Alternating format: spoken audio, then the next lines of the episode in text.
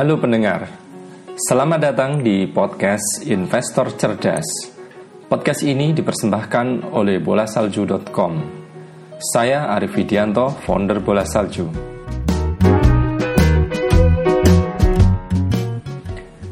Investor Cerdas adalah podcast investasi saham untuk investor pintar.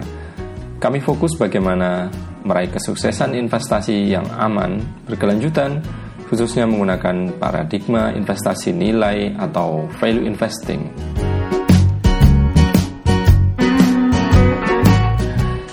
Di episode perdana ini, khususnya 20 episode pertama, Anda akan mendengarkan komentar kami tentang buku The Intelligent Investor. Di episode terbaru, kami akan membahas isu aktual, edukasi, resensi buku, serta bahasan investasi lainnya bersama saya dan mungkin narasumber lainnya. Oke pendengar, kali ini adalah episode perdana podcast ini. Ini adalah sebuah episode remake karena dalam rekaman sebelumnya peralatan kami masih sangat terbatas. Nah sekarang karena sudah berjalan cukup lama ya episode podcast ini sudah 40 episode. Pertama kali Oktober saya sempatkan untuk merekam ulang episode ini. Semoga bermanfaat bagi Anda.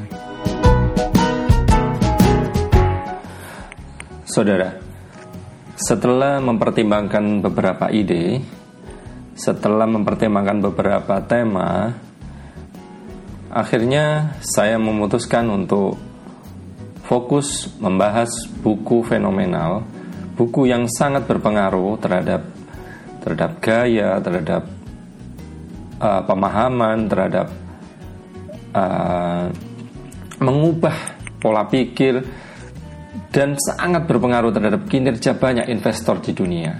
Apalagi buku itu kalau bukan The Intelligent Investor.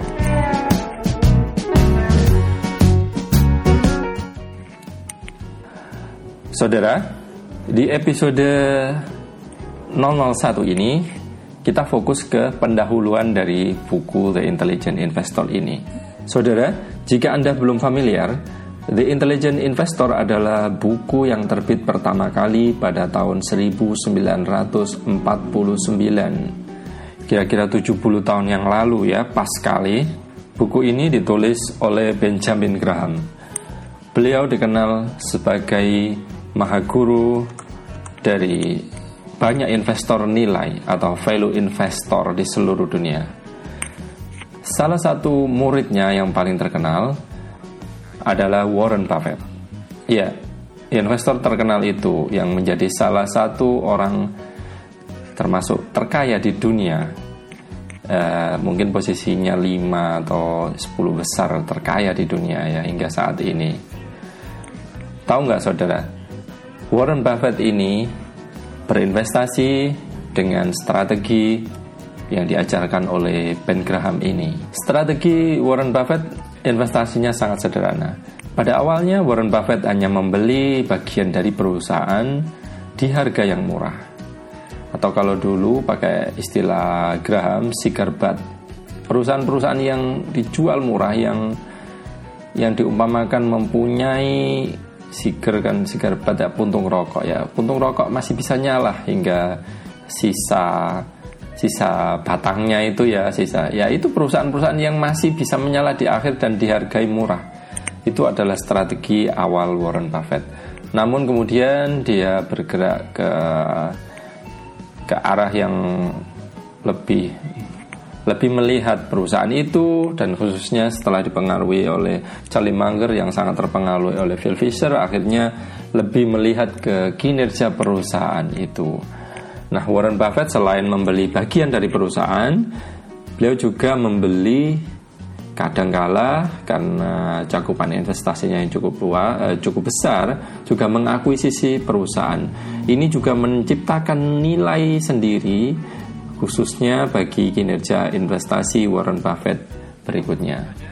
Kita lanjutkan saudara, itu tadi sekilas topik, sekilas sekilas teaser ya, semoga Anda tertarik. Nah, Kita lanjutkan ke topik inti yaitu pendahuluan dari buku The Intelligent Investor.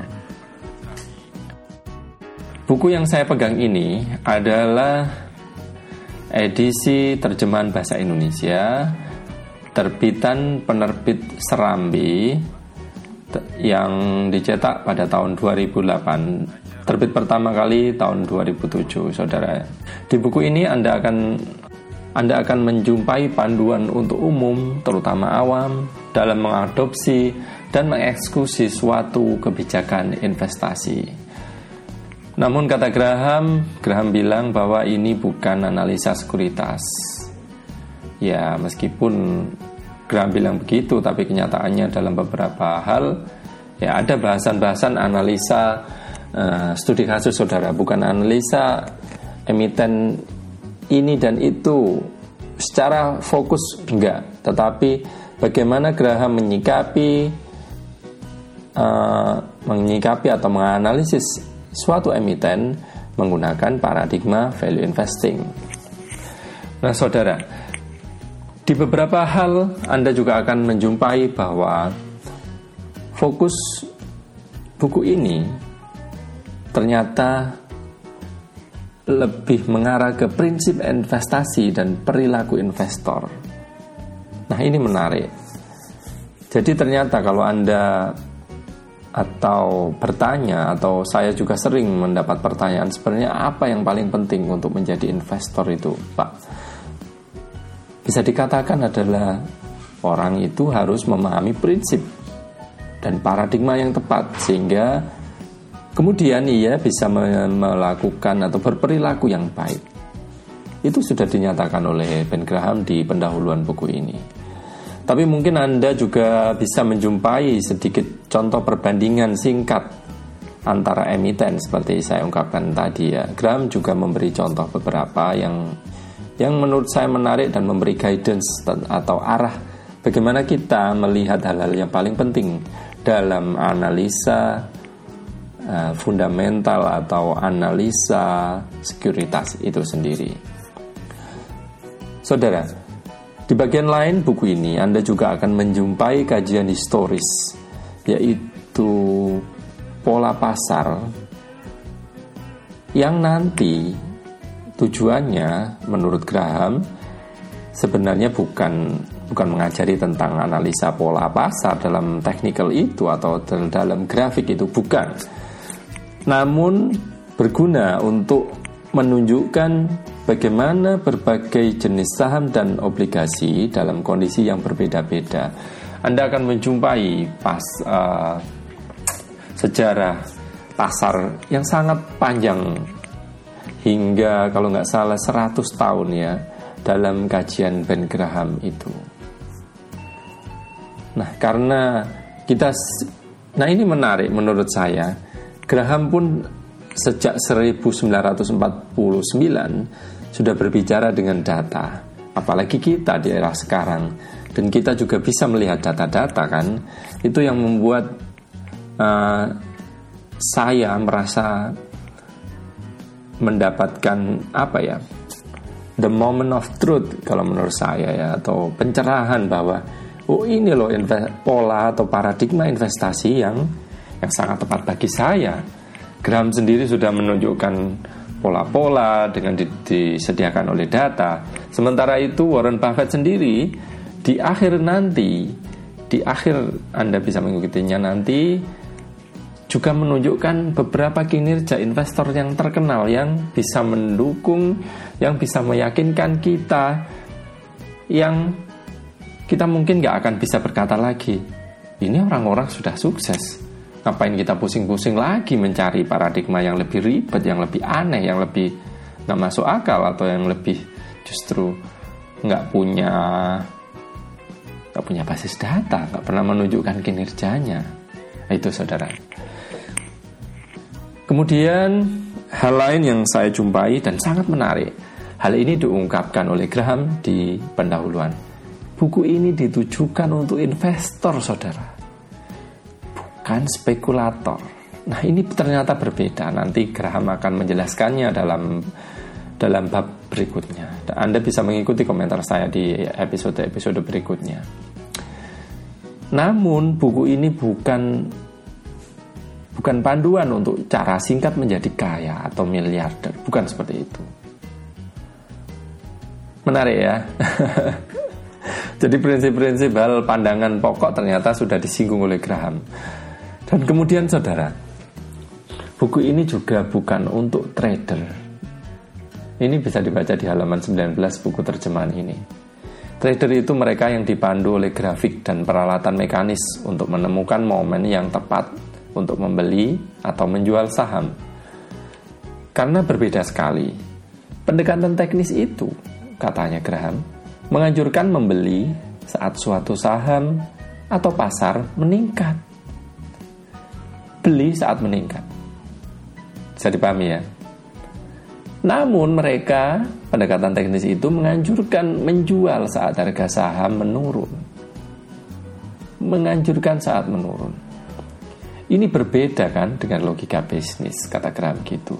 Bisnis, Anda tahu, berusaha membeli barang semurah mungkin dan jual seoptimal mungkin. Bila perlu semahal mungkin. Kan nggak gitu jelas. Sangat berbeda dengan logika teknis itu. Nah saudara, selama 50 tahun pengamatan Graham, bayangkan 50 tahun, beliau belum menemukan satu orang pun yang bisa konsisten menghasilkan uang dengan mengikuti pergerakan pasar. Graham tidak tidak ragu. Pendekatan ini yang diajarkannya memang tidak populer. Nanti Anda juga akan menjumpai bahwa Graham bilang prinsip-prinsip dasar investasi itu tidak berubah dari masa ke masa. Jadi ini sangat relevan. Kita tarik kembali ke masa yang sekarang. Saya sendiri baru membaca buku ini pada tahun 2008 ternyata semuanya masuk akal. Meskipun kita tahu dan juga dibilang oleh Graham, aplikasi dari prinsip ini harus disesuaikan dengan perubahan besar di mekanisme dan iklim keuangan. Tentu saja. Nah, saudara, di buku ini nanti Graham akan membagi uh, dua jenis investor.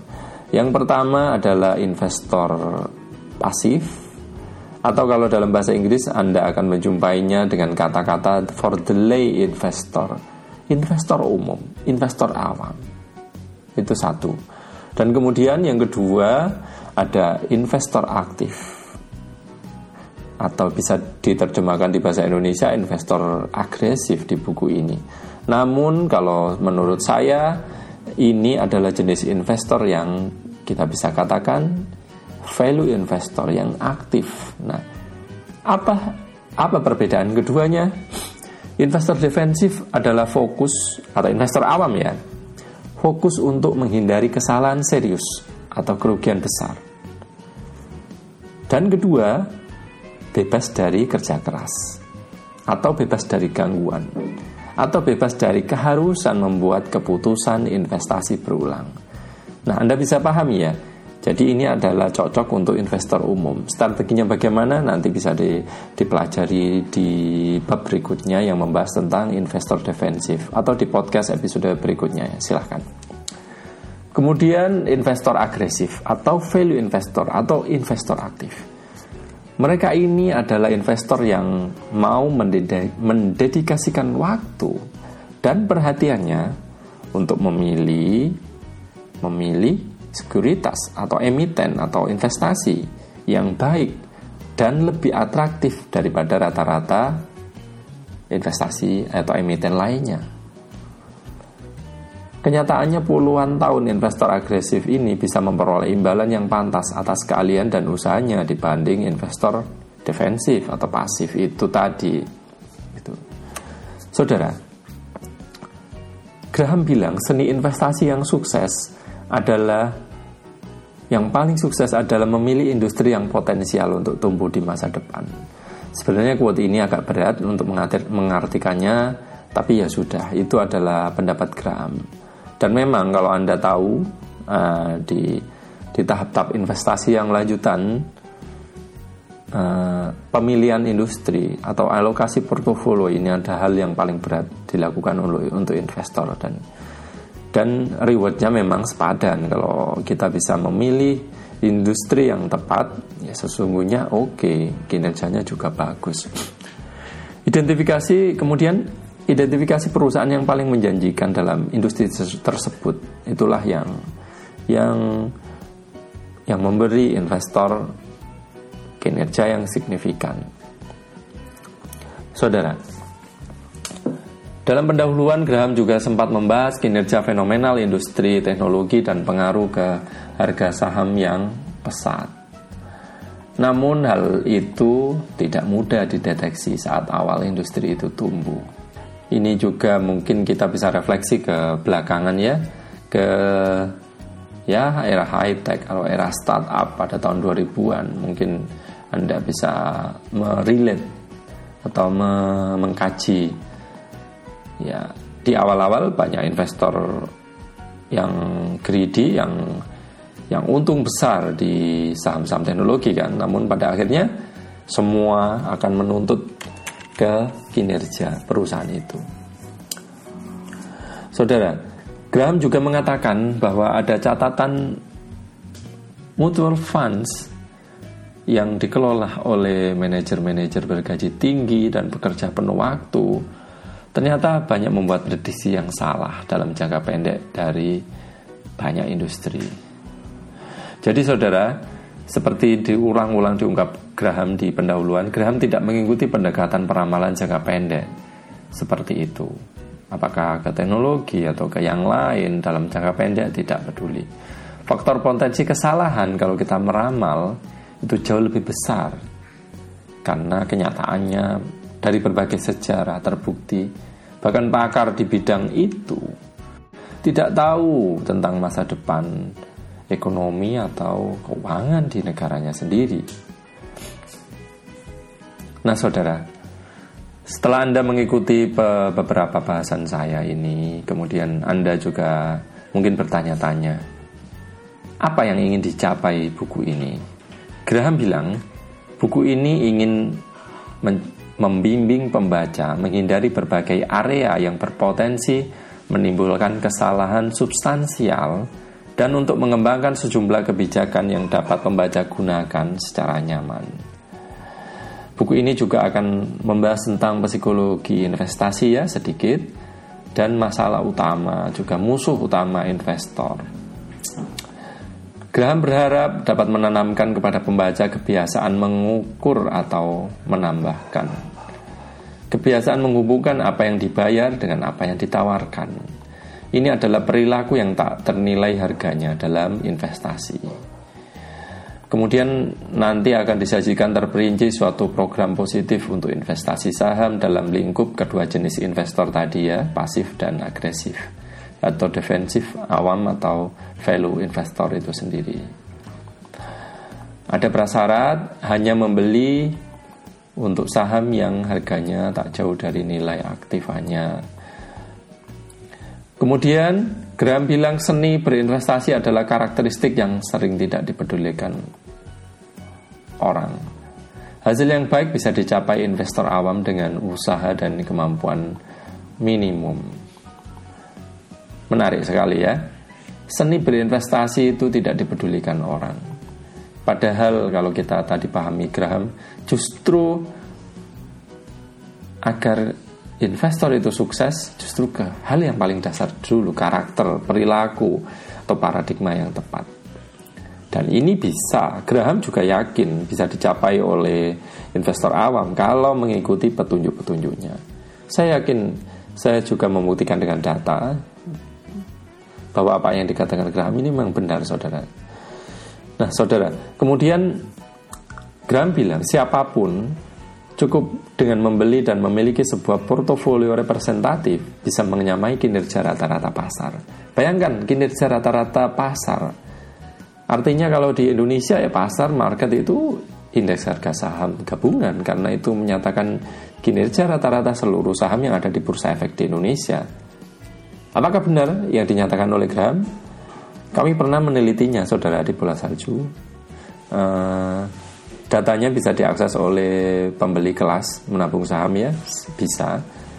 Dengan melakukan investasi berkala, secara sederhana tiap bulan atau mungkin kalau yang nggak punya uangnya terbatas atau mungkin strategi tahunan bisa juga tiap tahun itu bisa mengalahkan rata-rata pasar. Gitu saudara. Sepertinya ini persoalan yang mudah. Namun kenyataannya proporsi orang cerdas yang mencoba ini dan gagal secara mengejutkan itu cukup besar Bahkan sebagian perusahaan investasi dengan personel mereka yang berpengalaman tidak berkinerja secara baik, seperti halnya pasar umum. Kata Graham begitu.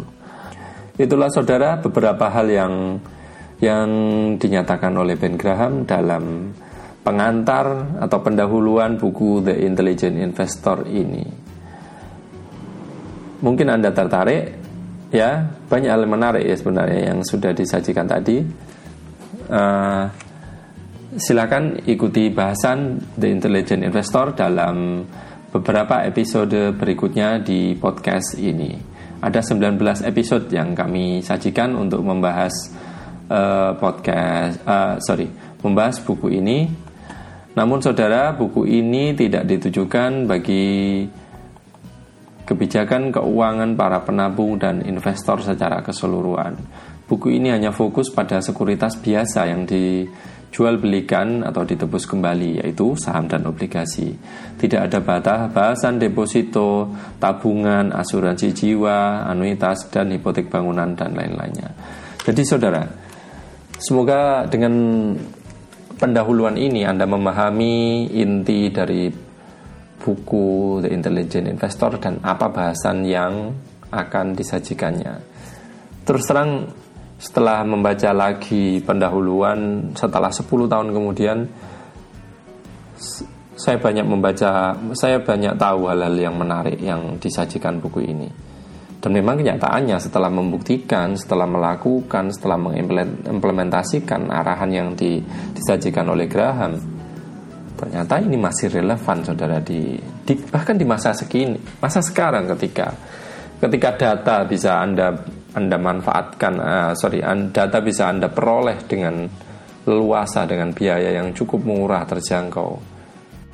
Oke, saudara, semoga uh, pengantar pendahuluan ini bermanfaat.